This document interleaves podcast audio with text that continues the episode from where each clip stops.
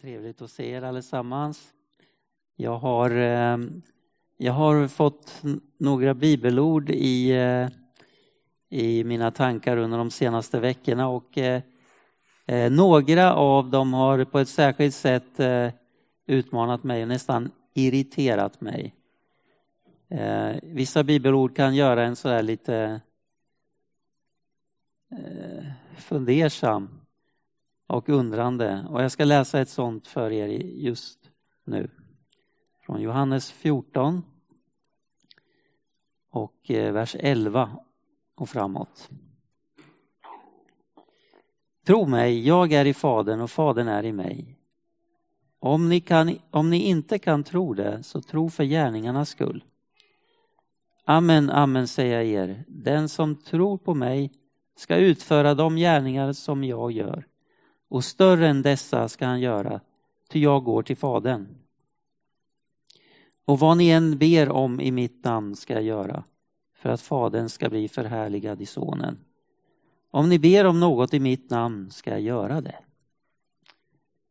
Vilket oerhört bibelord. Vilken oerhörd utmaning. Den som tror på mig ska utföra de gärningar som jag gör och ännu större. Hur är detta möjligt? Hur kan detta vara möjligt? Ja, åtminstone jag utmanas här och får en, en, eh, en känsla av att jag behöver få växa i min tro. Någonting behöver växa i mig. Och jag vet inte hur du känner. Jag hoppas att du också kan uppleva en sådan längtan att få uppleva en växande tro. Den som tror på mig ska utföra de gärningar som Jesus gjorde. Så det som Jesus gjorde.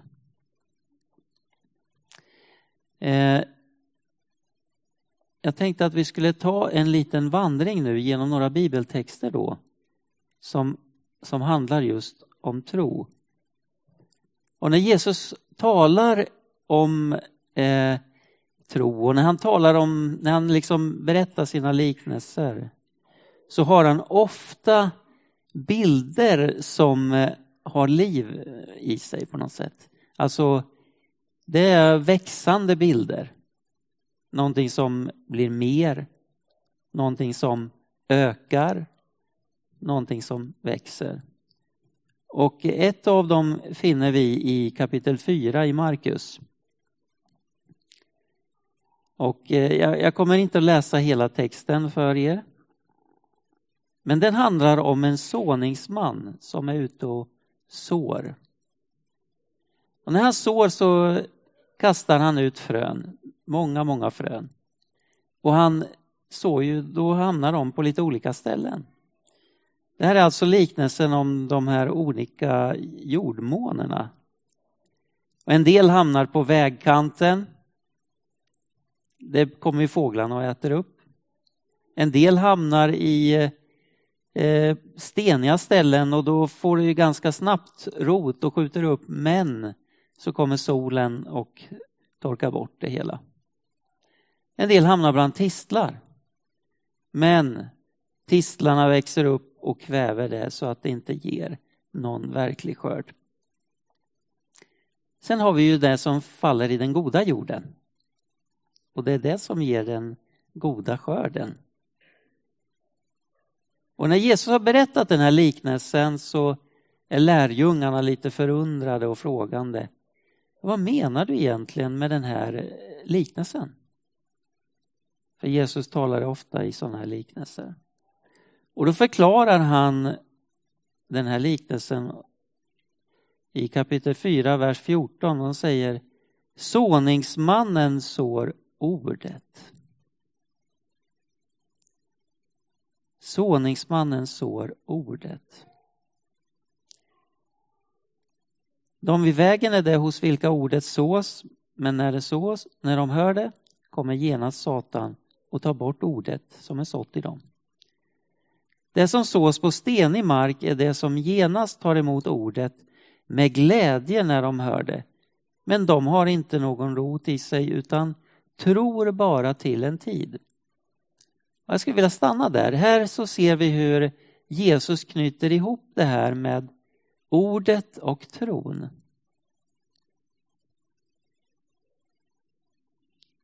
Ordet och tron. Paulus säger också i Romarbrevet, eh, jag tror det är 10 vers 17, att tron kommer av predikan och predikan i kraft av Kristi ord. Hänger ni med? Det hänger ihop. Tron och ordet. Och det är någonting levande. Det är inte ett dött ord utan det är ett levande ord. Det är frön. Ehm.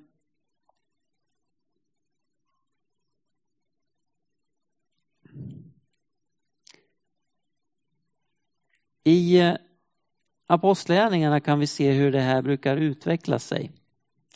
Ehm, vi har eh, flera berättelser i Apostlagärningarna där vi ser att ordet har framgång och ordet sprids och eh, liksom gör verkan.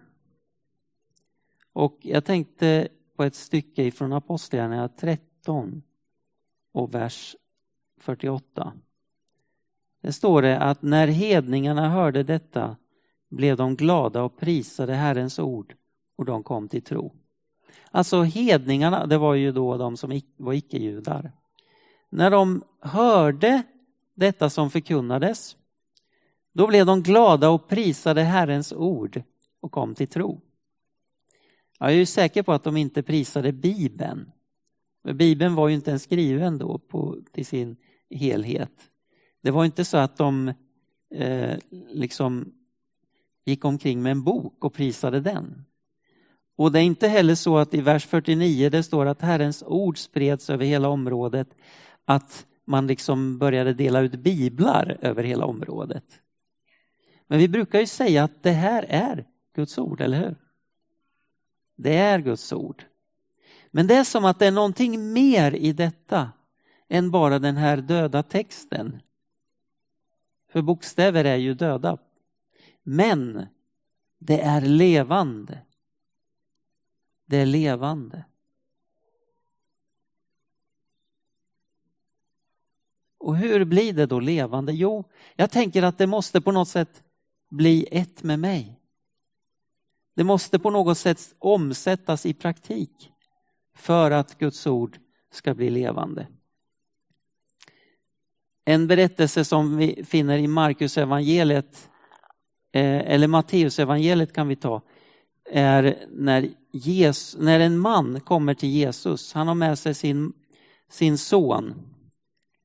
Och den här sonen, han, han har en bes, ett besvär. Han är plågad av en eh, ond ande som gör att eh, Eh, han beter sig på konstiga sätt.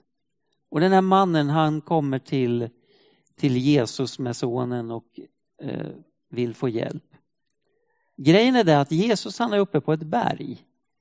Så att när, när de kommer fram till berget med sonen så eh, möts den här mannen och hans son av Jesu lärjungar. Och eh, lärjungarna försöker att hjälpa då den här eh, mannen och eh, driva bort den här onda anden eh, som plågar den här sonen. Men de lyckas inte. Det är någonting som brister. Och när Jesus kommer ner ifrån berget så, så hjälper han då eh, eh den här mannen. Men han säger någonting intressant där i början. Eh, i vers 17 i kapitel 17 säger han, Jesus svarar, du fördärvade släkte som inte vill tro. Och jag tror att här är en, en liten nyckel för oss faktiskt. Att vilja tro, alltså att vilja ta till sig de här fröna av Guds ord. Vi måste vilja det, alltså vi måste vilja göra det som Guds ord säger. Att villigt ta emot det. Annars blir det svårt att tillämpa det. Du fördärvar släkt som inte vill tro. Jesus han var nästan lite uppgiven där. Eh, hur kan det komma sig? Han säger till och med, hur länge ska jag vara hos er? Det är som att han inte står ut med, med det här. Men så Jesus fixar det hela, botar den här killen. Och så när lärjungarna är ensamma med Jesus så ställer de frågor till honom. Alltså Jesus, vi försökte att driva ut den här onda anden men vi lyckas inte. Varför kunde inte vi göra det? Och då svarar Jesus så här. Därför att ni har så lite tro. Amen säger jag er, om ni har tro bara som ett senapskorn ska ni säga till detta berg, flytta dig dit bort och det kommer att flytta sig. Ingenting ska vara omöjligt för er. Om ni har tro bara som ett senapskorn. Jag undrar varför säger Jesus inte om ni hade tro bara som ett sandkorn? Men det är faktiskt viktigt det tror jag. Jesus säger någonting mer än bara att det är litet. Han säger också att det är någonting med liv i sig. För ett frö, trots att det är väldigt litet, när man planterar det så kan det ge stor skörd. Och så är det ju med senapskorn också. Varje senapskorn som sås och växer, det bär många, många fler senapskorn som man sen kan i sin tur så ut och skörda mer av. Den här liknelsen har en parallell i Markus evangeliet. Och där ser vi att Jesus lägger till någonting mer i det här svaret. Och det är att det här slaget kan driv, bara drivas ut med bön och fasta. Jag skulle vilja säga så här att eh, tron har sin grund på något sätt i ordet. Hämtar sin grund i ordet och växer genom att vattnas i bön. Fick ni med det? Tron har sin grund i ordet och växer genom bönens vattnande.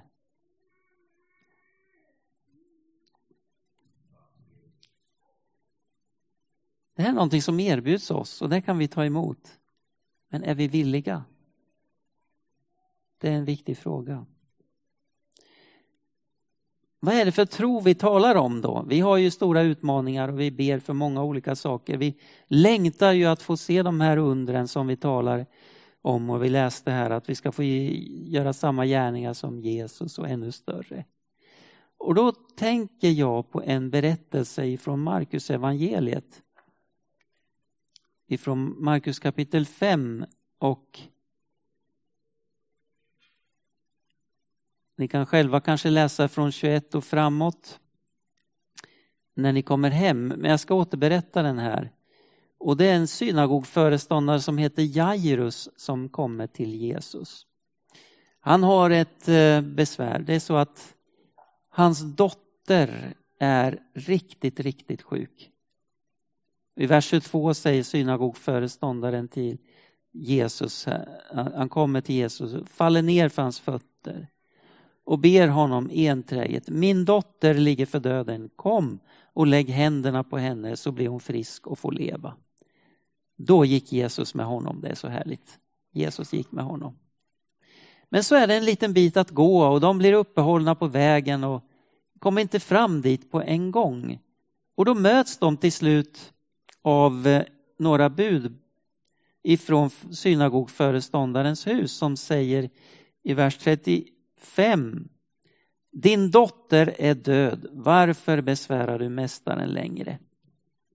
Tänk den här mannens situation, Jairus. Hans tolvåriga dotter ligger där hemma och är sjuk och nu får han besked om att hon är död. Du kan lika gärna Sluta och besvära Jesus nu. Det är ingen idé längre. Nu är det kört. Hon är död. Han måste varit fullständigt uppgiven. Tänk vilka känslor som gick igenom honom. Och kaos. Tänk dig om det var din egen dotter. Man skulle säkert vara vred, arg. Jag vet inte. Man skulle vara hopp, ja, chockad förstås. Fullständigt uppgiven. Slita sitt hår. Din dotter är död.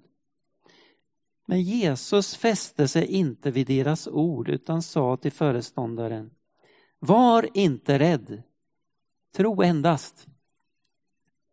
Och i folkbibeln 2015 står det bara tro. Ett härligt ord. Var inte rädd, bara tro. Ja, men vad skulle mannen tro på? Inte kan det ha varit att dottern ska uppstå från de döda. Han hade ju inte sett det. Han hade inte... Kunde han ana det ens? Eller? Jag är säker på att det här när Jesus säger bara tro handlar om att lita på den som säger det. Lita på Jesus Kristus själv. Det är han som säger det. Lita på mig. Var inte rädd, bara tro. Det är ju inte så att i vår iver och i vår liksom den här, när vi ska tro på stora ting eller under och mirakler, att vi liksom tror på dem, utan det är ju viktigt att vi sätter vår tro till honom som säger det. Det är han som ska göra det. Det är inte hur mycket tro du kan prestera i din egen kraft och liksom pressa fram, pressa, pumpa, pumpa, liksom få fram en tro på undret. Nej, utan det handlar om honom som säger det. Att lita på Jesus, att tro på honom.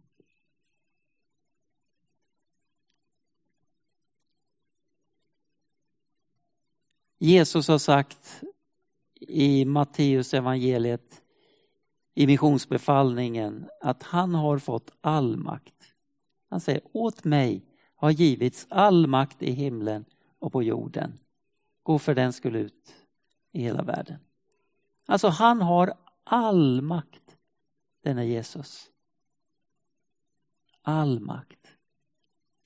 Alla de här orden som vi då läser om att be om vad ni vill och jag ska göra det. Om ni ber om någonting i mitt namn så ska min fader i himlen höra det och göra. Och som Paulus säger i Efesierbrevet första kapitlet att han har välsignat oss med all den himmelska världens välsignelse i Kristus Jesus. Allt detta är tillgängligt i Jesus Kristus. Vem är denne Jesus? Han är herrarnas herre. Han är konungarnas konung. Han är den som dog för dig och mig. Han gav sitt liv. Han offrade allt och han uppstod igen ifrån de döda. Till och med döden är besegrad. Döden har inte det yttersta och sista ordet utan det har Jesus. Han sitter på tronen. Han regerar. Och jag tänkte avsluta med den här bibelsammanhanget som vi redan har hört ifrån Jesaja 40, vers 28 och framåt. Vet du inte, har du inte hört att Herren är en evig Gud som har skapat jordens ändar. Han blir inte trött och utmattas inte. Hans förstånd kan inte utforskas. Han ger den trötte kraft och ökar den maktlöse styrka. Ynglingar kan bli trötta och ge upp, unga män kan falla. Men de som hoppas på Herren får ny kraft. De lyfter med vingar som örnar. De skyndar iväg utan att mattas. De färdas framåt utan att bli trötta. Vilket underbart ord. Det är ju den Gud vi tror på. Den här obegränsade Herren. Obegränsade Gud. Det här med att det står evig Gud, det betyder inte bara att han är evig i tid, liksom att han har alltid funnits och har ett långt skägg och sitter på ett moln och mår gott i evighet. Utan det betyder att han, han är ev, alltså han är oändlig i makt. Oändlig i kraft. Jag googlade Youtube och sånt där ibland och så såg jag någon som hade liksom gjort någon slags evighetsmaskin så här vi människor längtar ju på något sätt efter någon... Ja, liksom, tänk om man kunde ha kraft. En bensintank som aldrig tar slut. Du kan köra på bara. Hela tiden. Och ni som har hus, ni vet att man försöker spara på energin va? för att det är dyrt att värma hus. Om de inte är välisolerade. Jag menar, vi, vi har på något sätt resurser som tar slut. Men Gud som är evig, han är oändlig i sina resurser. Han är oändlig i sin kraft. Och det är denne Gud som har gett oss sin son Jesus. Och det är honom vi tror på. Det är honom vi hoppas på. Och det står att den som hoppas på Herren, eller som Linnea läste förut, den som litar på Herren. Åh Gud, tänk. Får ny kraft. De färdas utan att bli trötta. Det går ju inte att färdas utan att bli trött. Eller? Nej, det gör ju inte det. Men de som hoppas på Herren gör det. För att man har som en, man har som en eh, evig källa i sig som bara ger energi, ger kraft, ger ström, ger liv. Åh Gud, låt oss få uppleva det här. Jag vet inte hur uträknad du är. Jag vet inte hur, hur liksom hur nedslagen du är. Kanske går igenom som en boxningsmatch och, och du ligger där och domaren räknar. En, två, tre. Men det är som Paulus säger, jag är nedslagen men inte utslagen. Det är ännu inte framme vid tio. Hänger ni med? Gud, han ger av sin kraft. Han vill ge den som hoppas på Herren ny kraft. Låt oss hoppas på Jesus. Låt oss sätta all vår tro på honom. Det finns många tillfällen till bön och vi har även bön den här veckan som kommer. Eh, både imorgon, redan imorgon kan du vara med och be imorgon kväll om du känner för det. Tänk att ordet ordet är frön och när vi vattnar på det med bönen så kommer det att ge frukt. Det kommer växa i våra liv. Och då tror jag att vi någon gång faktiskt ska få uppleva de här, som Jesus säger, samma gärningar som jag ännu större. Låt oss hoppas och tro och be. Herre Jesus, tack att vi får be tillsammans och tack att vi får längta efter mer av dig. Kom du heligande. Kom du heligande och vattna på det här ordet som är sått i våra hjärtan och ge det kraft. Ge det kraft. Ge det allt mer kraft, och jag vill också inbjuda dig mm, som ännu inte har tagit emot Jesus att ge ditt liv till honom. Varje gudstjänst är ett sådant möte med Gud, levande Gud, där han erbjuder sin son Jesus Kristus och hans död för dig och dina synder. För ditt livs skull. För han vill ge dig ett evigt liv. Och därför så ber vi för dig. Vi ber också för allt det som kan ligga på ditt hjärta, vem du än är och vad du än önskar, vad du än längtar efter. Är du kraftlös, modlös och känner dig hopplös så vill Gud ge dig hopp. Och därför har vi förbön.